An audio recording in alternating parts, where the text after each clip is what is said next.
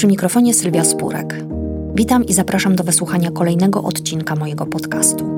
Tym razem porozmawiamy o prawach osób transpłciowych, osób, które mierzą się z przeszkodami prawnymi, społecznymi i instytucjonalnymi. Oddamy głos matkom osób transpłciowych. Dlaczego? Bo osoby transpłciowe muszą pozwać swoich rodziców, matki, ojców, aby żyć w zgodzie ze sobą i doprowadzić do uzgodnienia płci. Prawo je lekceważy i poniża. Na transseksualizm nie ma żadnego testu. Nie można wykonać rentgena, nie można zrobić badania krwi. Jedyne co można, to wysłuchać dziecka, zaufać dziecku i iść z nim dalej, wspierać go i po prostu być przy nim. Bartek bardzo jasno deklarował swoje oczekiwania. Żeby on się mógł normalnie rozwijać, on po prostu potrzebował czuć się dobrze, czuć się chłopcem. Potrzebował tego, żeby używać jego imienia, które on sobie sam wybrał. Dla mnie osobiście no, nie było to łatwe. Jeszcze robiłam takie próby, że niby się pomyliłam i używałam imienia Zosia, po czym Bartek mnie pytał, dlaczego mi to robisz?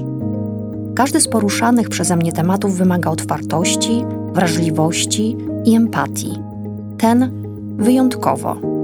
Zapraszam do słuchania.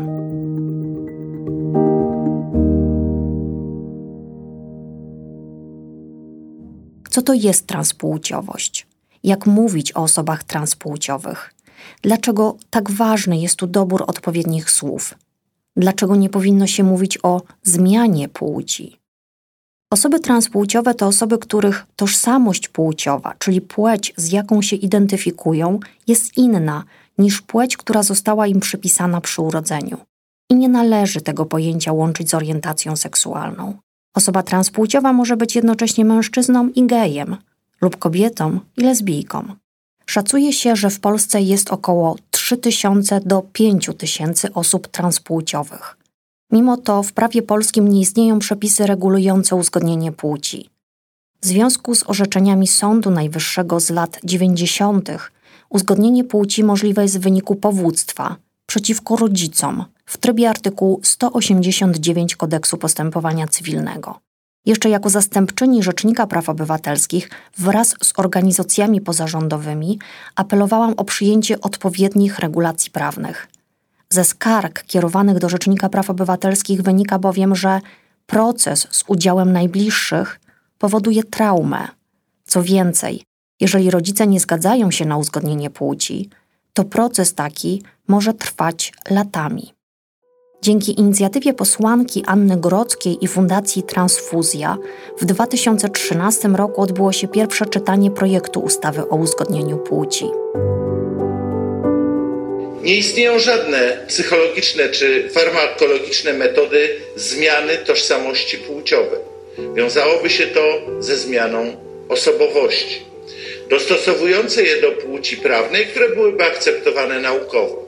Według obecnego stanu wiedzy, jedyną skuteczną, uznaną przez cały świat nauki i nieokaleczającą psychicznie metodą zapewnienia dobrostanu psychicznego osobom transpłciowym jest taka korekta fizycznych cech płciowych, wizerunku społecznego odpowiedniego dla płci odczuwanej psychicznie oraz dokumentów tożsamości, które, które przywrócą im możliwość normalnego życia zgodnie z samym sobą oraz odzyskania pełni potencjału zdolności społecznych i osobistych.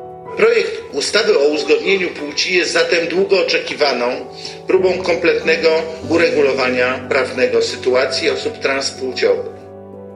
Dziś, proszę Wysokiego Sejmu, przyszedł już czas na przyjęcie do wiadomości, że osoby transpłciowe i interpłciowe istnieją, chociaż stanowią nieliczną mniejszość społeczeństwa to nie jest dopuszczalne odmawianie im praw do życia zgodnie z własną tożsamością płciową. Stanowi to naruszenie artykułu 30 i 32 Konstytucji Rzeczypospolitej Polskiej. Dziękuję za wysłuchanie. Dziękuję Pani posłanko.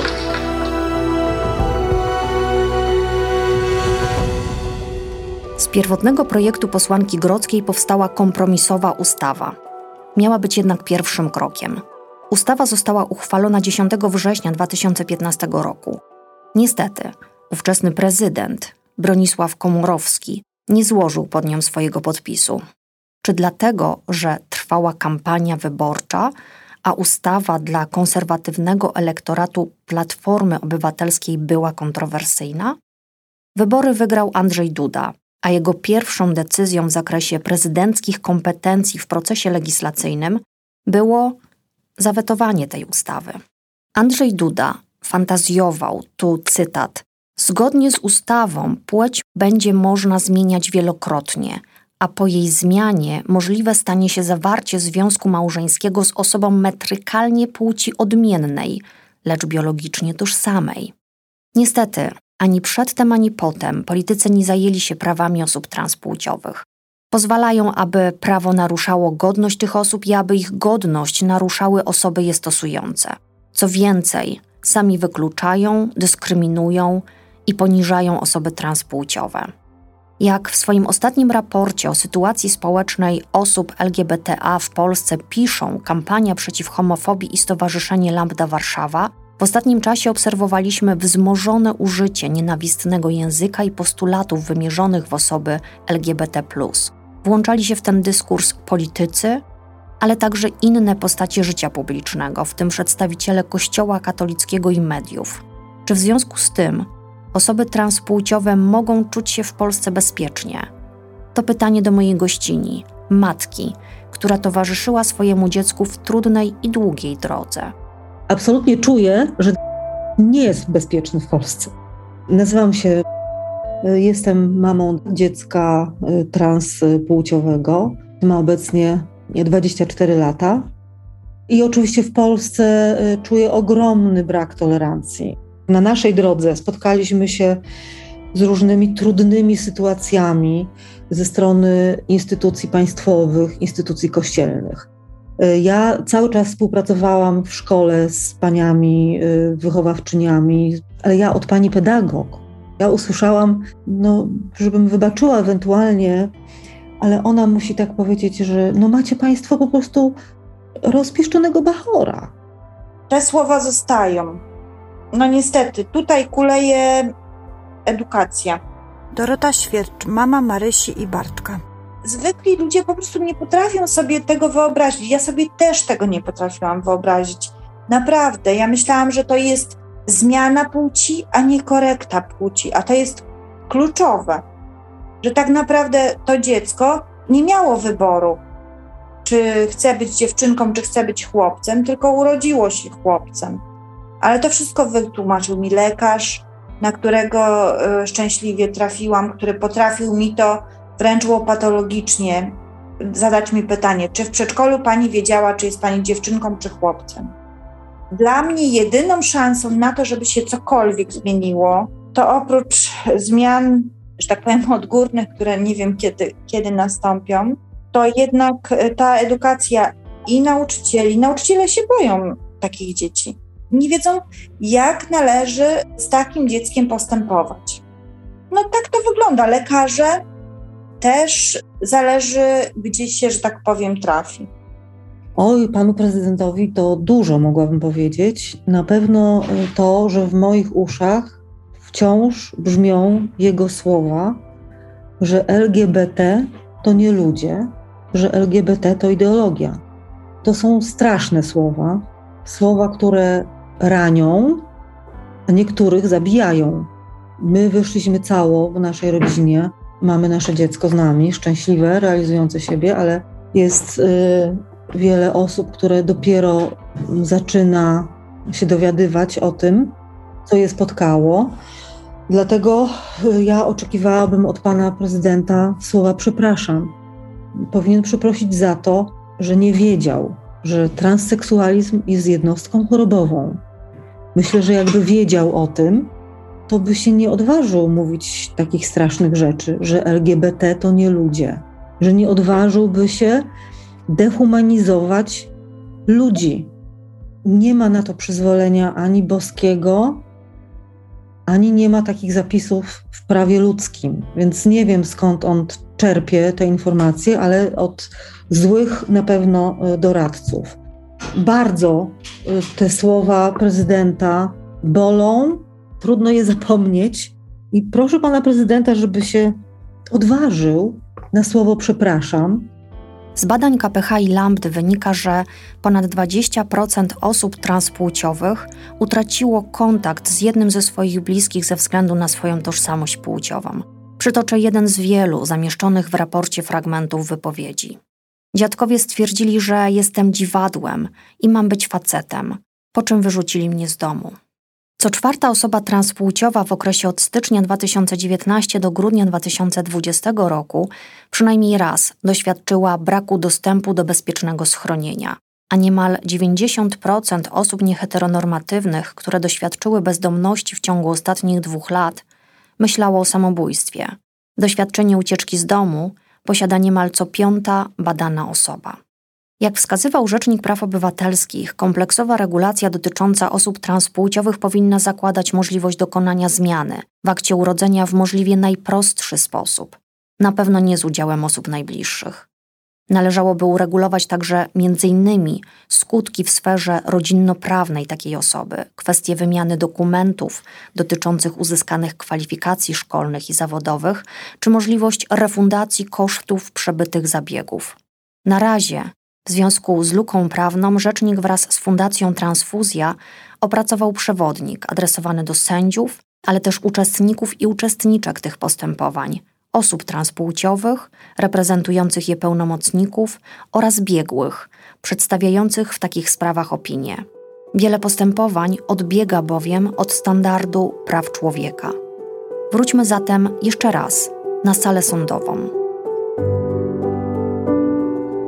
Przebrnęliśmy przez ten etap i był to etap po schodach i pod górkę, ponieważ y, obydwoje z mężem jesteśmy po prawie z jednej ławki. Nie chcieliśmy, żeby sprawa sądowa naszego dziecka odbywała się w naszym mieście, ponieważ pochodzimy z małej miejscowości. Nie chcieliśmy, żeby tam sprawa trafiła na przykład do jakiegoś naszego kolegi, koleżanki.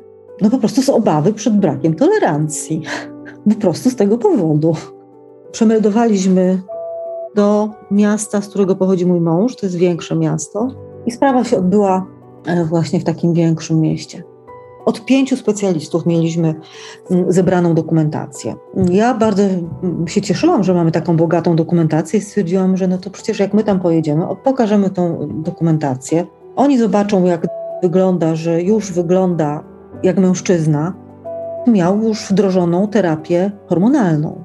Opinia biegłych okazała się e, po prostu koszmarem. Po pierwsze z tego powodu, że była bardzo nierzetelna. A podsumowanie tej opinii było w ogóle e, przerażające. Znalazło się tam stwierdzenie, że e, jest psychopatą. Takie było podsumowanie. Jest to kobieta, która ogłaszając światu chęć zmiany płci, chciała zwrócić na siebie uwagę otoczenia. Po prostu, jak ja przeczytałam tą opinię liczącą 33 strony, ja nie wiedziałam, co ja mam zrobić. Byłam przerażona, y, bo wiedziałam, że tą opinię dostał również. On też musi się z, z tym zapoznać. Ja, ja się po prostu bałam tej reakcji. Ja się bałam, że on po prostu popełni samobójstwo, o którym wcześniej mówił. Ale się okazało coś niesamowitego, że przez to, że przechodził tą drogę no, od 18 roku życia, on już y, odczuł tą naszą pomoc, nasze wsparcie. Zobaczył, że rodzina go wspiera, akceptuje po prostu we wszystkich aspektach. Zobaczył, że część przyjaciół została przy nim. On stwierdził, że ta opinia jest bzdurą, która kobieta cieszy się, z tego powodu, że przechodzi operację, tą mastektomię, zabieg usunięcia piersi, tak? Natomiast przeszedł przez to, przeszedł z radością. Znaczy, on przede wszystkim wiedział i czuł, kim jest, kim się czuje. Także na szczęście się nie przejął i to go myślę, że jeszcze wzmocniło. Ta opinia była y, straszna i jeszcze na co chcę zwrócić uwagę, że w trakcie jej sporządzania y, były zadawane pytania bardzo intymne. Osoba pytana o takie rzeczy powinna być uprzedzona, że może odmówić odpowiedzi na te pytania, ale nikt o tym nie uprzedził. Tutaj w sprawie tej sądowej, ponieważ okazała się ona drogą przez mękę, no po prostu najęliśmy fachowego prawnika, radcę prawnego, który się specjalizuje w sprawach uzgadniania płci. Do pana z Katowic jeździliśmy. Wydawaliśmy pieniądze na to, żeby potwierdzić prawdę. Pani i jej syn mieli sporo szczęścia. Sprawa sądowa o uzgodnienie płci, choć ciągnęła się niemal przez dwa lata, zakończyła się pomyślnie. Pani Dorocie natomiast towarzyszył w sądzie ogromny strach, bo musiała udowodnić, że akceptowanie transpłciowości swojego wówczas czteroletniego dziecka i podążanie za jego potrzebami nie jest ani działaniem na jego niekorzyść, ani tym bardziej krzywdzeniem go. Ja miałam postawiony zarzut, który mógł doprowadzić do odebrania mi praw rodzicielskich do dwójki dzieci, czyli zarówno dla Bartka i dla Marysi, no ja już przestałabym być mamą z pełnią praw. To było bardzo, bardzo trudne doświadczenie, które w ogóle miało się nijak dla dobra dziecka. Ja tych dwóch rzeczy nie byłam w stanie połączyć. Przeróżnych rzeczy dowiadywałam się na sali sądowej, łącznie z tym, że moje dziecko było badane bez mojej wiedzy i zgody w przedszkolu przez seksuologa, że było dotykane. I ja się o takich rzeczach dowiadywałam dopiero na rozprawie sądowej. To dla mnie to, to był po prostu szok. I jedyne, czego żałuję, i więcej tego błędu nie popełnię, to to, że od żadnej z tych osób nie wyciągnęłam konsekwencji. Czyli nie ponieśli żadnych konsekwencji prawnych związanych z tym, co tak naprawdę zgotowali całej mojej rodzinie, bo i mojej córce, i Bartkowi. Jestem osobą dorosłą, najłatwiej mi było sobie z tym poradzić, chociaż też, no nie ukrywam, że do samego końca ten strach był. Wspomina Dorota Świercz. Tą sprawą kilka lat temu żyła cała Polska. A co dziś słychać u Bartka? Jak radzi sobie w nowej szkole? Czy znalazł w niej szacunek i zrozumienie? Normalnie Bartek powinien pójść do szkoły państwowej jako Zofia. Dla Bartka byłoby to obciążenie, no ja sobie nie bardzo wyobrażam, jakby on to zniósł. Więc no, szukaliśmy szkoły, która będzie mogła Bartka zaakceptować jako Bartka. Bartek niestety nie czuje się dobrze w szkole i on w ogóle ma kłopoty takie adaptacyjne generalnie. Myślę, że zostało nam to po tym nieszczęsnym początku tej naszej drogi, kiedy przez y, no, prawie rok Bartek funkcjonował y, przez pół dnia jako dziewczynka, czyli w przedszkolu jako Zosia, a w domu już funkcjonował jako Bartek. No ale przedszkole się nie chciało zgodzić na, na to, żeby przejść na tą formę męską. I myślę, że, że, że Bartka zachowanie, które teraz się objawia, wynika z tego, że on ma bardzo duży y, brak zaufania do osób trzecich. Zastanawiam się do tej pory, czy to była dobra decyzja, że zdecydowałam się, żeby Bartek poszedł do pierwszej klasy ponieważ no, zdania były podzielone. Psycholog twierdził, że on tej gotowości szkolnej jeszcze nie ma, natomiast psychiatra stwierdził, żeby jakby nie dokładać kolejnej cegiełki, że on będzie na przykład starszy w klasie, że będzie kolejny powód do jakiegoś tam wykluczenia. No postanowiłam spróbować, ale myślę, że to nie była dobra decyzja.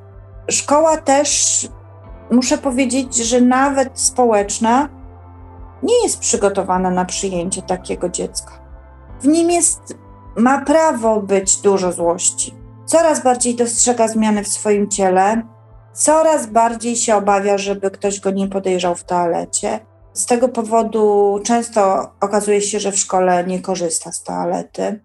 I ja się dowiaduję o tym jakoś tam później. Teraz jestem na takim etapie, że chciałabym się zorientować, jak wygląda problem stosowania w Polsce blokerów dojrzewania. Pytałam u dwóch seksuologów, jakoś tak raczej albo bardzo niechętnie, albo jest cisza, więc dla mnie to jest teraz najważniejsza rzecz, dlatego że Bartek wkracza w okres dojrzewania. Nie bardzo sobie wyobrażam, żeby on to dojrzewanie przechodził jako dziewczynka i żeby urosły mu piersi, bo on tego bardzo nie chce, nie akceptuje zmian w swoim ciele. Nie wiem, jak jest z dostępnością w Polsce, jeżeli chodzi o blokery, które są odwracalne. Czyli nie jest to jeszcze postawienie takiej kropki nad i, bo tego bym na pewno nie chciała zrobić, bo to nie jest czas na to. Dla mnie to jest zupełne tabu na tym etapie. Chciałabym mu oszczędzić tego cierpienia związanego z dojrzewaniem. Z raportu ILGA Europe z 2021 roku wynika, że Polska zajmuje obecnie 43 z 49 miejsc w rankingu państw dotyczącym stanu ochrony prawnej zapewnianej lesbijkom, gejom, osobom biseksualnym i transpłciowym w państwach europejskich.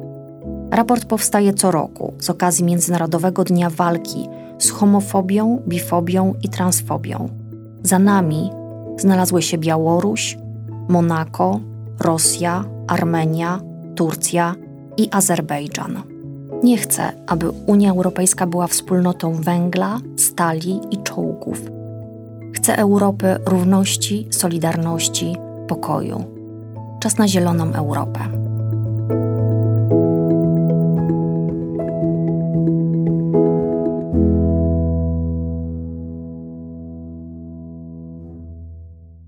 W tym podcaście oddaliśmy głos matkom osób transpłciowych.